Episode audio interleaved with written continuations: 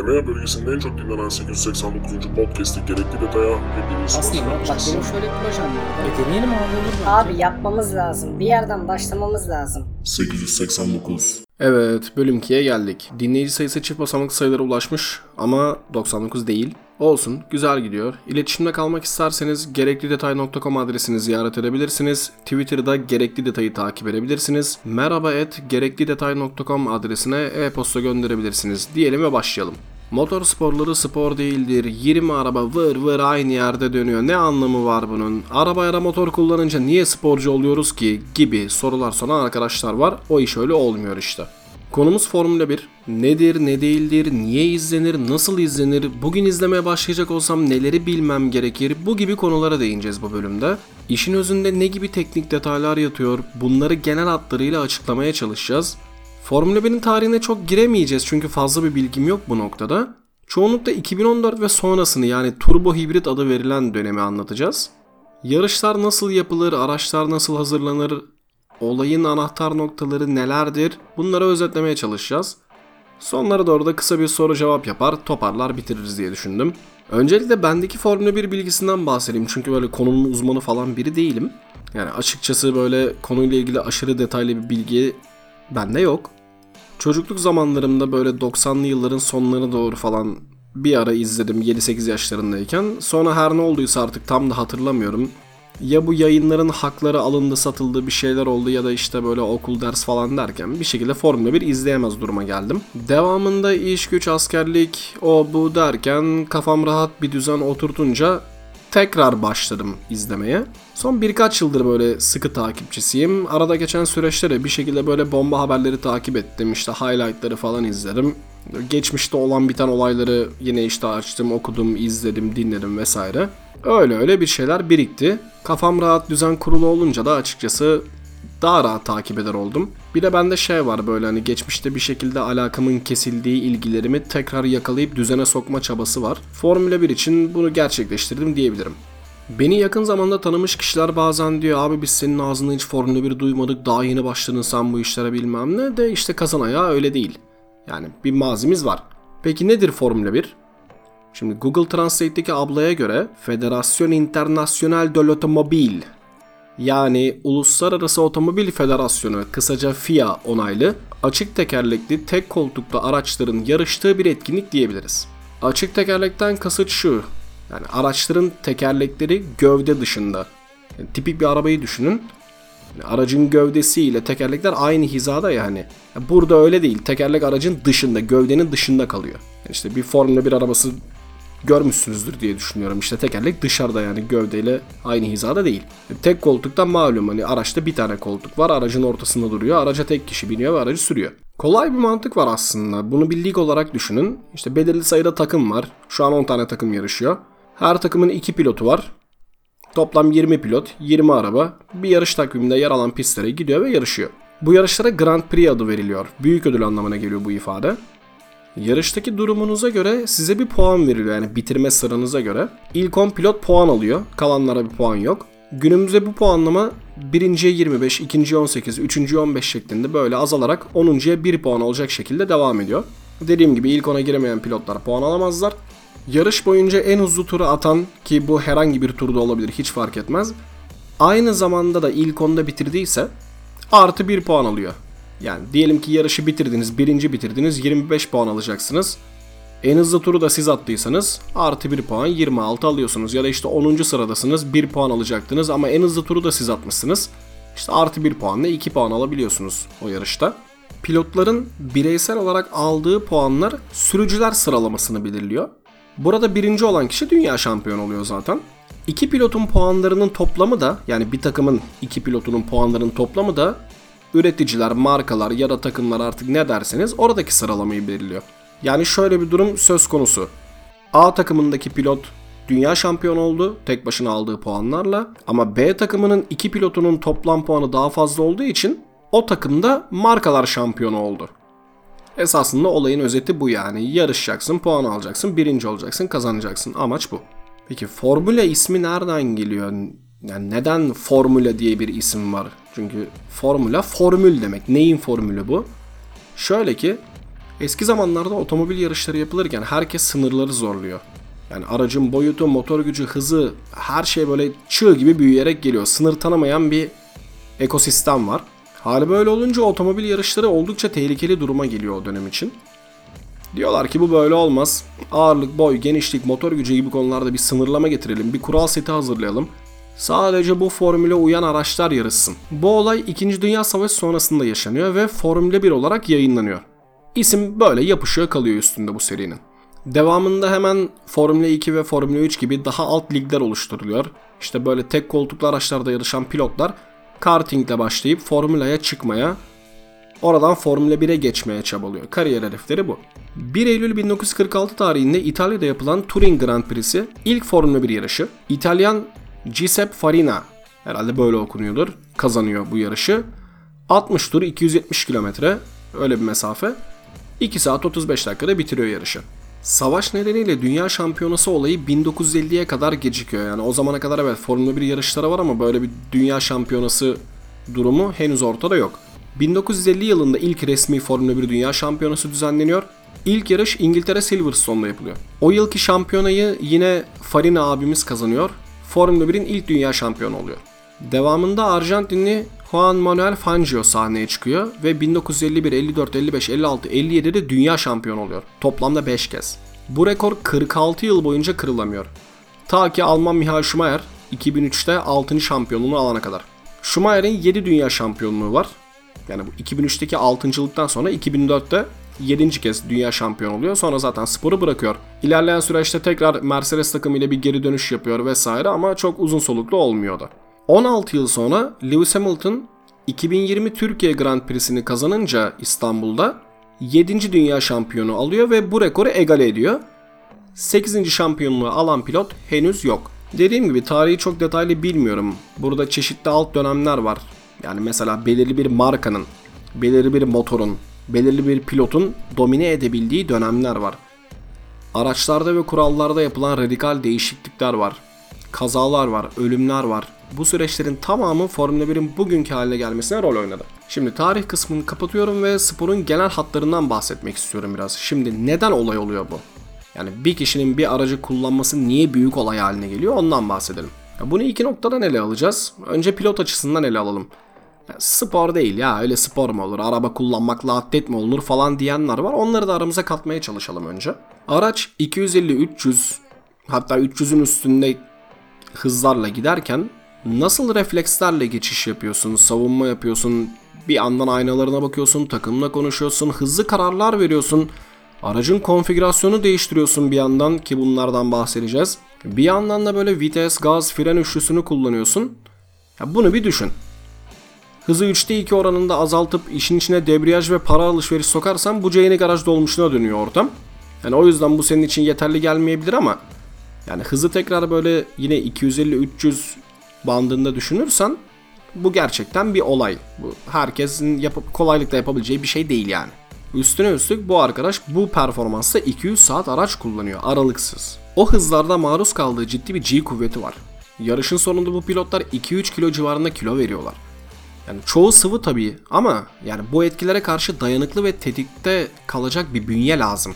Öyle susuz kaldım, başım ağrıdı, gözüm yoruldu, kolum uyuştu falan kabul etmiyor bu yarışlar. E, Bir sonraki hafta hiçbir şey olmamış gibi tekrar yarışa çıkması bekleniyor bu pilotun.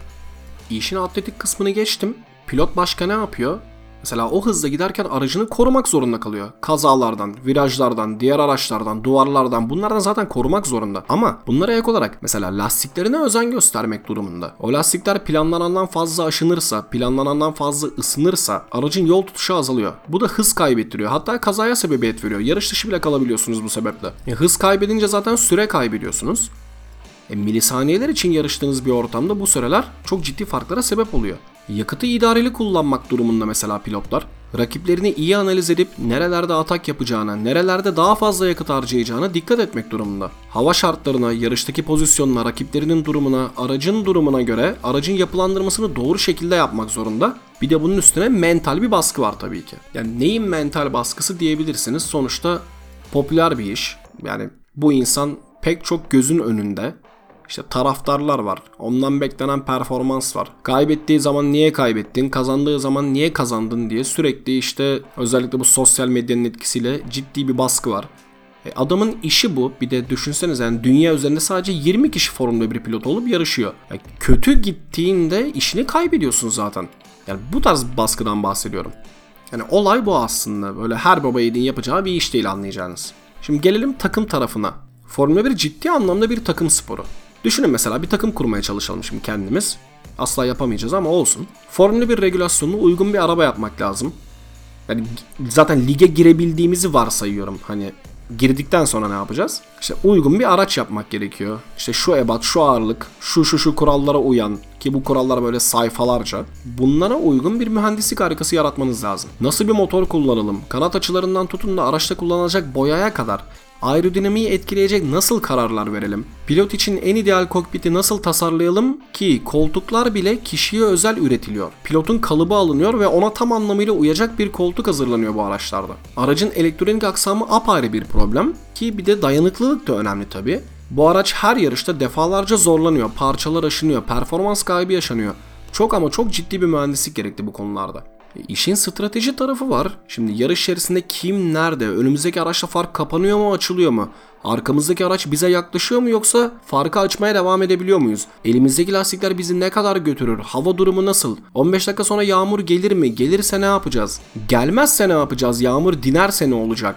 Yakıt durumu ne? Böyle yakmaya devam edersek yarışın sonu gelir mi? Lastikleri değiştirmek için en doğru zamanı nasıl biliriz? Takımla pilot arasında hatta fabrikadaki ekipler arasında bile yoğun bir haberleşme trafiği var.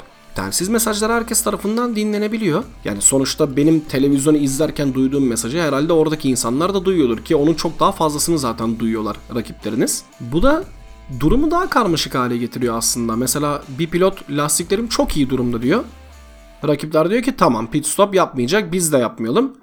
Ama bir bakıyorsunuz pit stop'a gelmiş bile. Ya da plan B ile devam ediyoruz gibi bir telsiz mesajı duyuyoruz mesela. E nedir plan B? Yani önceden konuşulmuş bir mevzu. Üzerine çalışılmış konuşmalar var. Üzerine çalışılmış stratejiler var burada. E tabi bitti mi? Bitmedi. Yani bu kadar insan kaynağına ve teknolojiye yatırım yapılacak. Para nerede peki?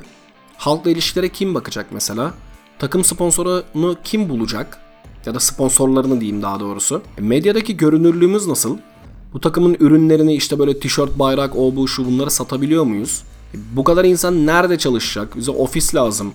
Bu parçaların üretimi için fabrikalar lazım. E, Her gün bir araç yapıp deneyemiyoruz pist üzerinde. E, Simülasyonlar için devasa yatırımlar lazım. Bu işten anlayan uzmanlar da lazım. Önceki yarışlardan elde edilen dağ gibi veriler var. Bunları kim analiz edecek, kim yorumlayacak? Aracın süspansiyonu, lastik basıncı, yakıt miktarı, kanat açıları neye göre ayarlanacak? Ve belki de en önemlisi, hani dedik ya her takım belirli kurallara göre hareket etmek zorunda diye. E, herkes aynı kurallar çerçevesinde araç yapıyorsa sen nerede bir fark yaratıp da kazanacaksın bu yarışı? Bu da başlı başına bir arge çalışması gerektiriyor zaten. Bu saydıklarımın hepsi ve inanın çok çok daha fazlası takımların çözmesi gereken problemler. Genel konsept hakkında az çok bir fikir oluşmuştur sanırım. Gelelim yarış hafta sonuna. Yarışlar hani tek günde yapılıyor olmasına rağmen aslında böyle bir Formula bir yarış hafta sonu diye bir konsept var. Ondan bahsedelim. Cuma günü birer saatlik iki farklı pratik seansı yapılıyor. Serbest pratik deniliyor bunlara. Free practice.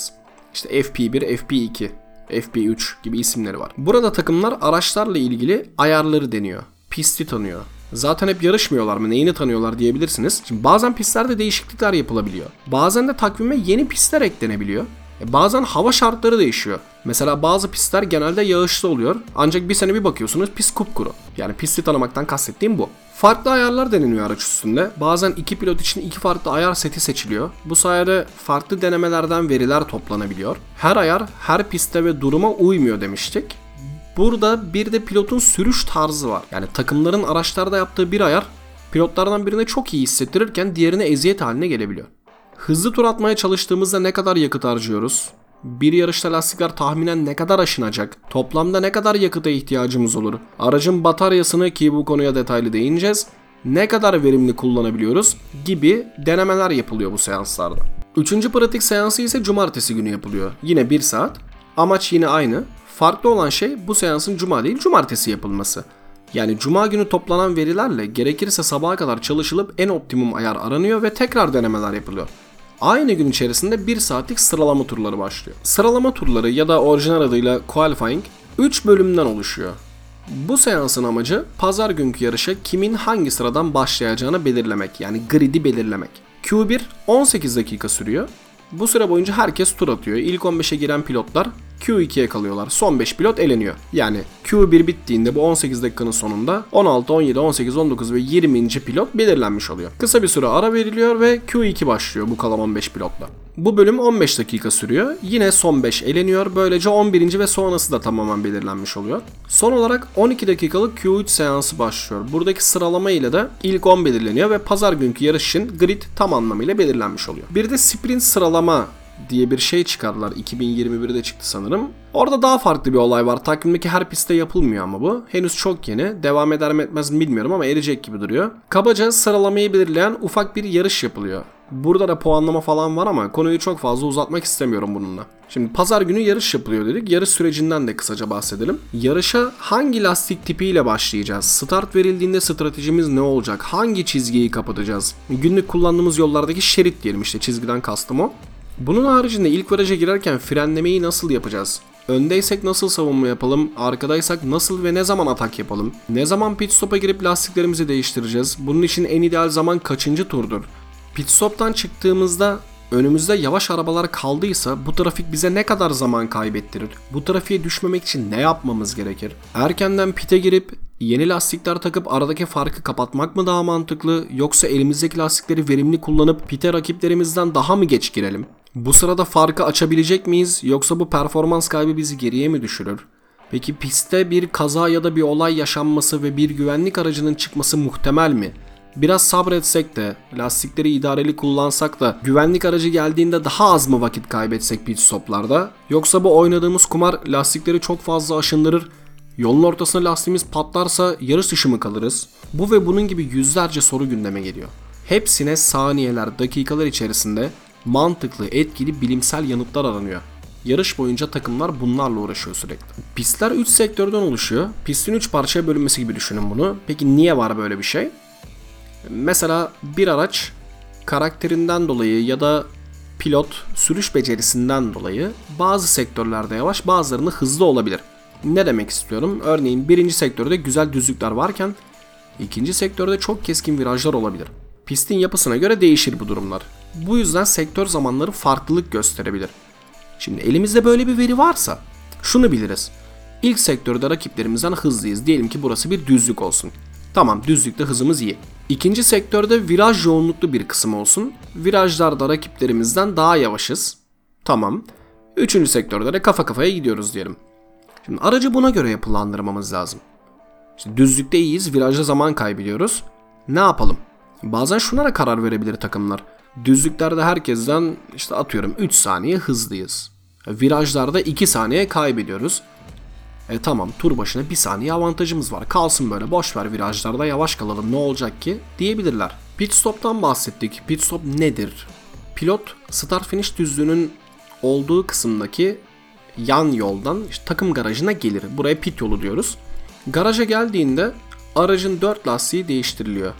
Eğer ki kanatta ufak ayar değişiklikleri yapılacaksa bunlar yapılıyor. Araç tekrar yakıt alamıyor. Yani yakıt ikmali yok. Yasaklandı bu yaşanan olaylardan dolayı. Bu 4 lastiğin değişimi 2-2,5 saniye civarında sürüyor. Ve araç tekrar pit yoluna dönüyor. Burada belirli bir hız sınırı var.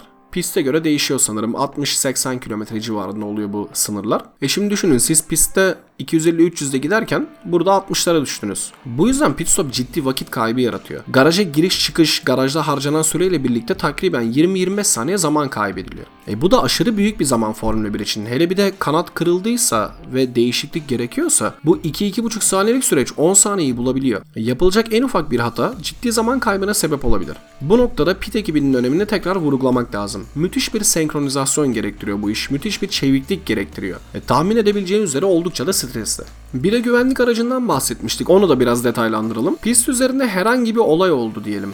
Nedir? Mesela bir araç yolda kaldı, kanadı kırıldı, yolun ortasına duruyor vesaire. Bunlar tehlikeli durumlar. Hemen sanal da gerçek güvenlik aracı çıkıyor pistte. Sanal güvenlik aracının olayı şu, herkes hızını belirli bir aralığa çekecek, yarış o şekilde devam edecek bir süre. Ya da gerçekten bir araç piste çıkıyor, Herkes arkasına sıralanıyor bu aracın. Önceden belirlenmiş hız sınırları çerçevesinde tur atmaya devam ediyor herkes. Güvenlik aracı durumunda yani güvenlik aracı şartları altında geçiş yapmak yasak. Bu süre boyunca atılan turlar yarışın toplamından düşüyor bu arada. Dilerseniz tam bu anda işte pit stop'a girebilirsiniz. Bu da rakipleriniz zaten yavaş olduğu için size hiç zaman kaybettirmeyen bir faaliyet oluyor. Ben havadan pit stop yapmış oluyorsunuz aslında. E, tabii yine geride kaldınız ama önemli değil. Gidip öndeki grubu yakalıyorsunuz zaten. Peşlerine takılıp devam ediyorsunuz tur atmaya. Güvenlik aracı pistten ayrıldıktan sonra yarışın lideri gaza asıldığında yarış tekrar başlamış oluyor. E şunu diyebilirsiniz. E işte abi gene arkada kaldık. Hani 5. ilik 15. olduk. Önemli değil. Artık lastikleriniz yeni ve zaten 5.liğe kadar çıkabilen bir aracınız varsa herkesin ucuca olduğu bir senaryoda yine basar geçersiniz herkesin. Problem değil. Uyarı bayrakları var yarışlarda. Mesela sarı bayrak çıktığında ilgili sektörde bir olay var demektir. İşte virajda ciddi bir kuyruk oluşmuş olabilir. Hani dikkat et yavaş gel hesabı bir uyarı yapılıyor olabilir. Araçlardan biri yolda kalmış olabilir. Pistte bazı parçalar olabilir vesaire. Yeşil bayrak çıktığında tamam sıkıntı yok yarışa devam ediyoruz. Kırmızı bayrak geldiğinde ise yarış tamamen duruyor. Bütün araçlar tekrar garajlara dönüyor, süreler durduruluyor. Olayın büyüklüğüne bağlı olarak bir süre sonra yarış tekrar başlıyor ya da hiç başlamıyor. Nedir bu olaylar? Mesela diyelim ki bir araç duvara girdi kaldı. E, Vinçle aracı çekip götürüyorlar. Sonrasında tamam hadi kaldığımız yerden devam ediyoruz. Ya da bariyerler zarar gördü mesela bir kazada. Onların değiştirilmesi bekleniyor. E, ciddi bir hava muhalefeti oldu diyelim. Meteoroloji verilerine bakarak hareket edip bir süre ara verelim sonra devam edelim denilebiliyor. Mavi bayrak var bir de. Bir araca tur bindirileceğini gösteriyor bu da. Bu bayrakların altında ne kadar hız yapacaksın, yolun neresini kullanacaksın, nasıl davranman gerekiyor bunların hepsi kurallarda yazılı. Benzer şekilde güvenlik aracı ve pit stopları için de kurallar mevcut. E tabi bir de damalı bayrak var. Seansın bittiğini gösteriyor. Gerek pratik, gerek sıralama, gerekse yarış olsun bu bayrağı gördüğünüz zaman mevzu bitmiş demektir. Lastiklerin sponsoru Pirelli. Herkes aynı marka lastiği kullanıyor. Lastiklerin hamur tipi var. Compound diyorlar buna. İşte C1 en sert, C5 en yumuşak hamur. Bu lastiklerden her takımın belirli sayıda kullanım hakkı var. Lastiklerin hamur tipinden kasıt şu. Mesela soft lastik var. Yolu daha iyi tutuyor. Daha hızlı olmanızı sağlıyor ancak çok çabuk aşınabiliyor. Medium ve hard lastikler var. Hamur tipi böyle sertleştikçe lastiğin dayanıklılığı artıyor ama daha yavaş hale geliyorsunuz. Yol tutuşunuz azalıyor. Bu yavaşlıklar yine milisaniyelerle, hani saniyelerle ölçülen yavaşlıklar ama çok ciddi anlamda önemli. Bu lastikler silik lastik olarak geçiyor. Kuru zeminde kullanılan lastikler bunlar. Soft lastik kırmızı renk, sarı renk medium lastiği gösteriyor ve beyaz renkte hard lastikler için. Bunların haricinde bir de ıslak zemin lastikleri var. Yeşil renkli intermediate lastikler var mesela. Bir de mavi lastik var. Wet lastik diye geçiyor bu. Sağanak yağış altında kullanılmak için tasarlanmış bu lastikler. DRS diye bir şey var. DRS, Drag Reduction System. Kirli hava akımından daha rahat kaçabilsin diye aracın arka kanadı geçici bir süreliğine açılıyor. Bu da arkadaki araca sağlam bir performans kazandırıyor aerodinamik olarak. Ancak bunu kafanıza göre açamıyorsunuz. Pistte DRS'in açılabileceği belirli noktalar var. Bazı pistlerde bir bazılarında iki yerde açılabiliyor. Hatta bazı pistlerde 3 hatta 4 olan bile var. Bu bölgenin öncesinde bir ölçüm noktası var. Burada bu ölçüm noktasından geçerken önünüzdeki araçla aranızda 1 saniyeden az fark varsa DRS zona girdiğinizde DRS'i aktif hale getirebiliyorsunuz. Bu da geçiş yapmayı kolaylaştırıyor. Geçişi kolaylaştıran bir de ERS sistemi var. ERS. Onu daha ileride değineceğiz. Şimdi biraz araçlardan bahsedelim. Araçlar sezon başlamadan önce hazırlanıyor.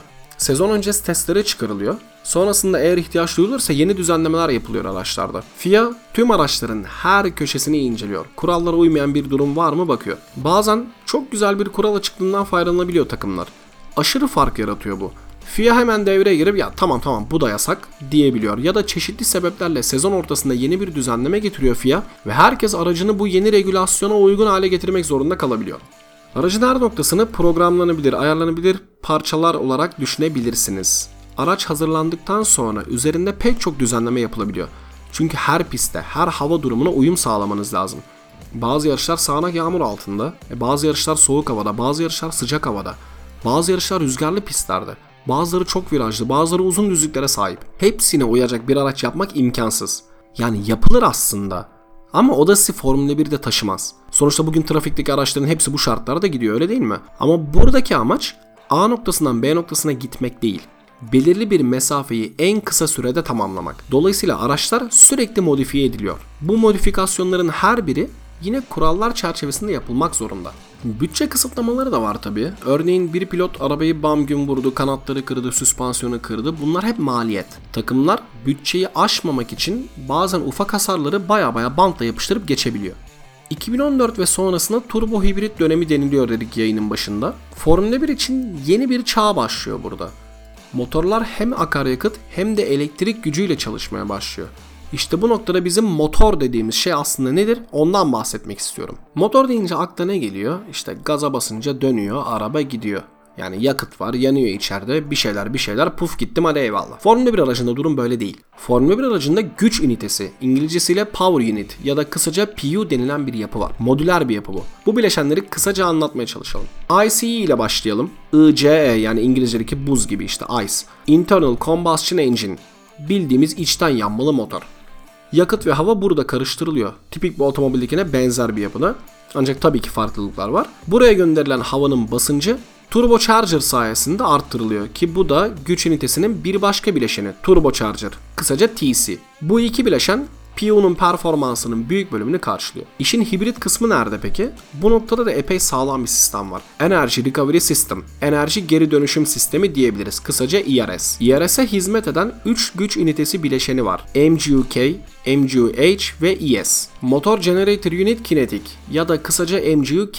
Motorun crank biline bağlı bir elektrik motoru. Jeneratör gibi çalışıyor, elektrik üretiyor. Özellikle frenlemede. Üretilen bu elektrik depolanıyor ihtiyaç halinde ekstra performans için kullanılabiliyor. Bu sistem ile bir turda 30 saniye civarında performans artışı alabiliyorsunuz. Kural bu şekilde. Ancak bunun iki katını depolayabilme kapasitesine sahip araçlar. Yani aslında yarış boyunca şarj et harca yaparak stratejik bir şekilde kullanma şansına sahipsiniz bataryanızı. Motor Generator Unit Heat, kısaca MGU-H, turbo ile birlikte kullanılan bir bileşen.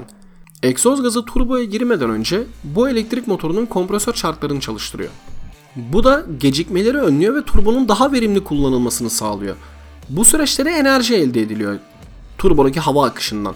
Burada üretilen enerji MGK ile birlikte kullanılabiliyor. Bu da hani bahsetmiştik ya 30 saniye civarında bir boost alabiliyorsunuz diye. Oradaki şarjınızı arttırmanıza olanak sağlıyor. Bu bileşen ne kadar verimli çalışırsa şarjınız da o kadar fazla oluyor. Dolayısıyla isterseniz her tur bu 30 saniyelik boost'u alabilme şansına sahip oluyorsunuz. Depolanıyor depolanıyor diyoruz ya işte o bileşen de ES, Energy Storage. Bir de CA var, Control Electronics.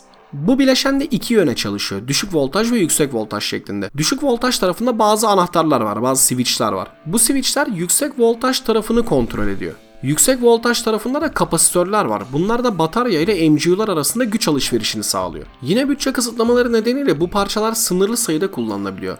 IC, TC, MGUH, MGUK üçer tane kullanılabilir sezon boyunca. ES ve CA'den ikişer tane kullanılabilir. Egzoz sistemlerinden ise 8 adet kullanabiliyor takımlar. Bu sayılar bir araç için geçerli. Bazen bazı yarışlardan önce yeni bir bileşen takılıyor performans artışı için. Sonraki yarışta yine eski bileşene geri dönülebiliyor. E bunun da sebepleri var tabi.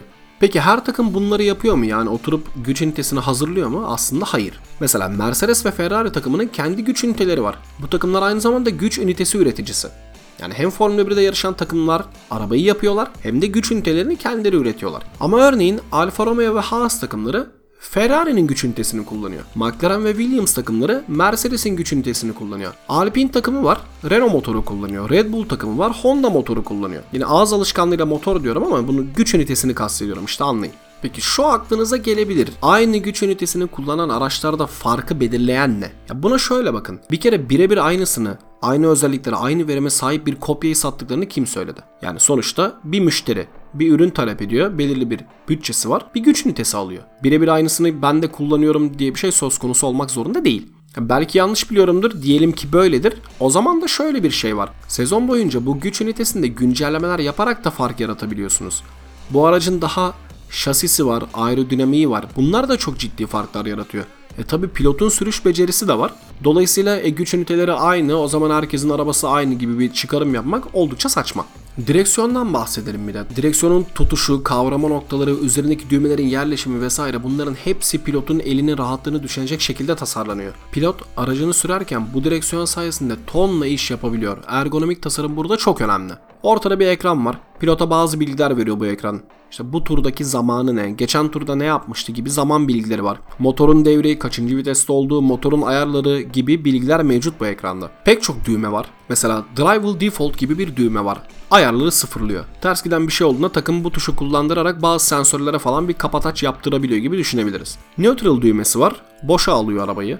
Shifter pedallar var. Vitesi artırıp azaltmaya yarıyor. Hız limitleyiciler var. Böyle güvenlik aracı, pit yolu gibi özel durumlarda aracın hızını limitlemeye yarıyor. Takımla iletişim için düğmeler var. Yani telsiz konuşmaları için. Hatta bazı iletişim tipleri için önceden tanımlanmış tuşlar da bulunabiliyor. Mesela tek bir tuşa basarak garaja tamam ben pit stop'a geliyorum haberini gönderebiliyor pilot.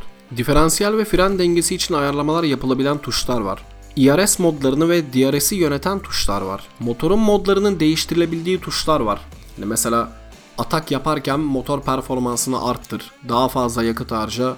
Ama işte zaten lider gidiyorum, farkı da açmışım, daha sakin takılalım şeklinde motorunuzda ayarlamalar yapabiliyorsunuz direksiyon üzerinden. Hazır strateji tuşları var. Önceden tanımlanmış ayarları getiriyor araca. Mesela geçiş yapmak istiyorsunuz ama takımdan bir yönlendirme bekliyorsunuz. Takım diyor ki mesela işte Strat 2'ya geçelim. Strat butonunu 2'ye getir. O konfigürasyon seni burada bu aracı geçmene yardımcı olabilir şeklinde bazı ön tanımlı ayarları kullanabiliyorsunuz. Debriyaj kolu var yine direksiyonda. Startta kullanılıyor bu. Aslında aracı kullanma olayı direksiyonda bitiyor. Yani ayaklarda sadece gaz ve fren var. Kalan kısmın tamamı direksiyonda. E tabi sensörler var.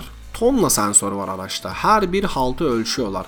Aracın motoruna ne kadar yakıt gittiğine kadar her şeyi ölçüyorlar. Bu ölçümler hem takımların veri analizi hem de FIA'nın kural denetimi için oldukça önemli. Hatta bazen özel boyalar kullanılıyor aracın belirli kısımlarında. Sonra araç piste çıkıyor, turlarını atıyor. Boyadaki renk değişimine göre aerodinamik çıkarımlar yapılıyor ve araç ona göre yeniden düzenleniyor. Sensörler ve ölçüm noktasında simülasyon çalışmaları ve rüzgar tüneli çalışmaları da var. Buralar derya deniz konular zaten hiç girmiyorum. Ama bir bakmalısınız bu konulara da. Özellikle Formula 1 sezon öncesi hazırlıklarında AWS servislerinin kullanımını anlatan dokümanlar var. Nelere nelere kafa yoruyorlar gerçekten çok ilginç. İşte işin içine tüm bunlar girince ya 20 araba vır vır dönmüyor işte arkadaşlar. Öyle değil. Yarıştılar da ne oldu dünyayı mı kurtardılar demeden önce birkaç şey daha söyleyeyim size madem. Bu geliştirmelerin tamamı bu sayacağım geliştirmelerin tamamı Formula 1 serilerinde yapılmamış olabilir ama motor sporlarının katkılarını görmemizi sağlayabilir. Mesela dikiz aynası. 1911'de IndyCar serilerinde Indianapolis 500 Türkçe okuyoruz çünkü sayıları her zaman biliyorsunuz. Indianapolis 500 yarışında Ray Harun isimli bir pilot arkasındaki araçları görmek için aracına ayna takıyor. O zamana kadar böyle bir uygulama yok araçlarda. 1992'de Williams takımının yaptığı araçla aktif süspansiyon teknolojisi ortaya çıkıyor. Aracın farklı yol durumlarına göre şasi düzeyinin değiştirilebilmesini sağlayan bir teknoloji bu. Bugün otomobillerde kullanılıyor. Vites pedalları var. Elinizi direksiyondan ayırmadan vites değiştirmenizi sağlayan bir teknoloji. Bunu Ferrari geliştiriyor mesela. E, direksiyondaki düğmeleri kullanarak araçta bir şeyler değiştirme olayı da Formula 1'den geldi. Şimdi sıradan bir otomobilde örneğin camı açıp kapatmak ya da radyoyu kontrol etmek için direksiyonu bırakmanıza gerek yok. Formula 1 sayesinde. 1980'lerde McLaren takımı karbon fiber kullanmaya başlıyor. E, Bu teknoloji birçok araçta kullanılıyor günümüzde. IRS sistemleri hibrit araçlarda kullanılabiliyor. İletişim teknolojileri günlük hayatta karşımıza çıkıyor. Yani belirli bir hızda, belirli bir mesafede daha seri iletişim nasıl sağlarız, sensörlerden veri alışverişleri nasıl yaparız gibi konularda Formula 1'in ortaya koyduğu teknolojiler günlük hayatta aslında pek çok yerde karşımıza çıkabiliyor. Sürdürülebilirlik, güvenlik, emisyon azaltım gibi pek çok konuda motor sporlarından elde edilen veriler yine kullanılıyor. Çevremdeki insanlardan sık sık duyduğum saçma veya mantıklı sorular var. En sık karşılaştıklarımı burada paylaşayım isterim. Örneğin yarışı izleyen arkadaşlardan şöyle tepkiler geliyor. Ya işte tam geçti geçecek diyorum farkı azaltıyor azaltıyor yine de geçmiyor. Neden? Şimdi geçmiyor mu geçemiyor mu? Bir kere bu önemli bir ayrım.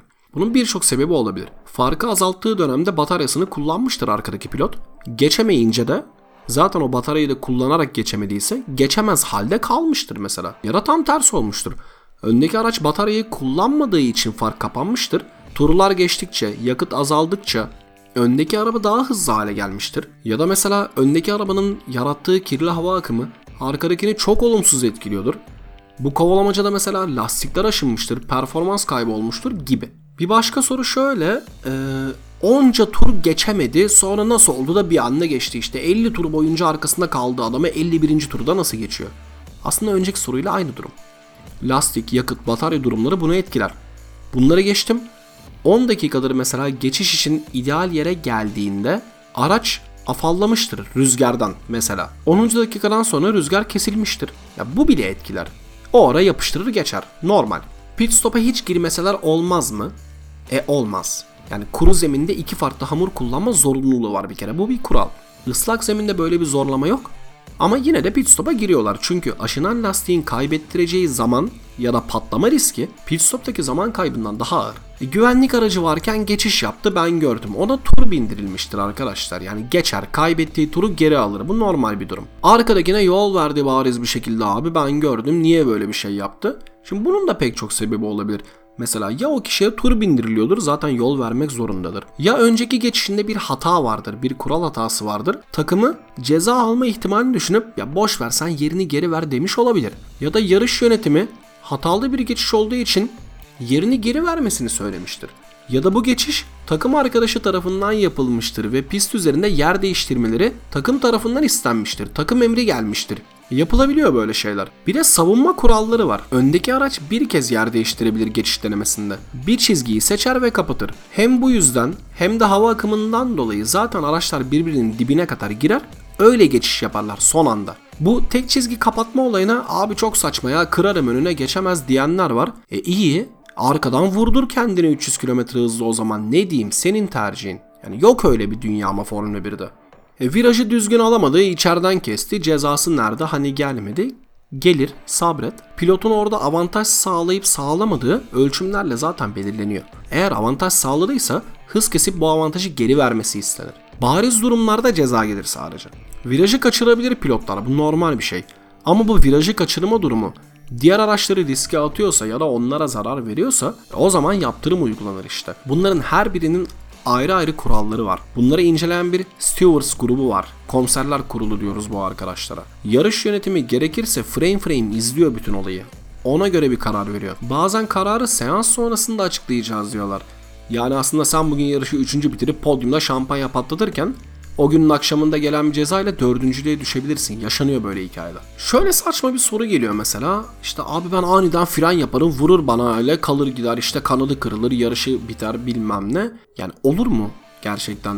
Bir kere arkandaki pilot senin yavaşladığını zaten bilecek. Ya ona niye inansınlar ki diyenler oluyor. Şimdi güzel arkadaşım aracın her yeri sensörle dolu telemetri verileri akıyor takımlara ve FIA'ya da gidiyor bu veriler. Bakıyorlar orada sen kaç G'lik fren yapmışsın da bu olay olmuş. Direksiyonu nerede ne zaman nereye kırdığından tut da nerede ne zaman hangi pedala ne şiddetle bastığına kadar her şey loglanıyor zaten burada. Açar bakarlar cezanı verirler.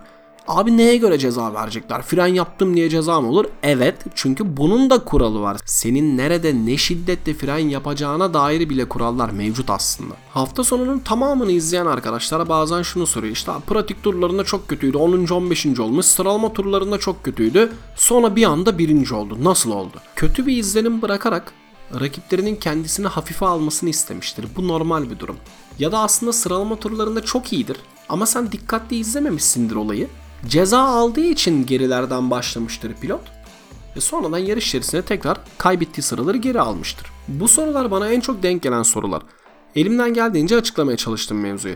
Son düşünceleri de anlatıp bölümü bitireyim artık. Bazı anahtar noktaları kaçırmamak lazım arkadaşlar. Şimdi bu bir spor. Aynı zamanda ürün. Diğer sporlarda olduğu gibi forma, bayrak, figür, bilet satışı vesaire bunlar önemli. Para için giriliyor bu işe, prestij için giriliyor. O prestij de para getiriyor tabi. Yani takım kurmak, Formula serisine katılmak hatta pilot olmak için bile ciddi paralar dökmek gerekiyor. İster cebinizden çıkarıp ödeyin, ister sponsorlar bulun kendinize hiç fark etmez. Para aksın da nasıl akarsa aksın. Birilerini kötülemeden önce, holiganlık yapmadan önce bunun bir iş olduğunu unutmamak lazım. Fanatikliğe hiç gerek yok. Bir sempati duyun, saygı gösterin, izleyin, bakın keyfinize. Kaptırmayın o kadar kendinize. Özellikle Drive to Survive'dan sonra pazar bayağı genişleri. Netflix etkisi kullanıldı burada. Amerika'da yıllardır Formula 1'in yüzüne bakılmıyordu. Şimdi takır takır pist yapılıyor. Netflix'ten sonra. Neden? İşte ilgi çekildi. Pazar araştırması yapıldı. E hadi yarışalım madem denildi sonra da. Ya da yıllarca mesela Arap ülkelerinin yüzüne bakılmadı. Şimdi petrol krizi o bu ayağına Arap ülkelerinde yarışlar düzenlenmeye başladı. Para var çünkü orada. Bunlar benim şahsi düşüncelerim tabii. Ama bana çok mantıklı geliyor. Yani ilgiyi elde tutmak için bir şeyler denenecek. Para akışı için bir şeyler denenecek. Gayet makul. Yani bunun oyunu da yapılacak, filmi de çekilecek, belgeseli de yapılacak, işte biletleri satılacak. Dediğim gibi bu bir iş modeli. Önemli olan bu süreçlerin farkında olup mühendisliğin ve sporun tadını çıkarmak. Formula 1'de emeği geçen tüm mühendislere, tüm pilotlara, teknolojiye katkı sağlayan herkese selam olsun. Formula 1 pistlerinde hayatını kaybeden tüm pilotlara ve çalışanlara da selam olsun. Ve tabii ki idolümüz Ayrton Senna'ya da selam olsun. YouTube'a attığım Formula 1 izlemek için geçerli bir neden videosunu da izlemenizi öneririm. Linkini gereklidetay.com'a bırakacağım. Dinlediğiniz için çok teşekkür ederim. Gelecek bölümlerde görüşmek üzere. Hoşçakalın.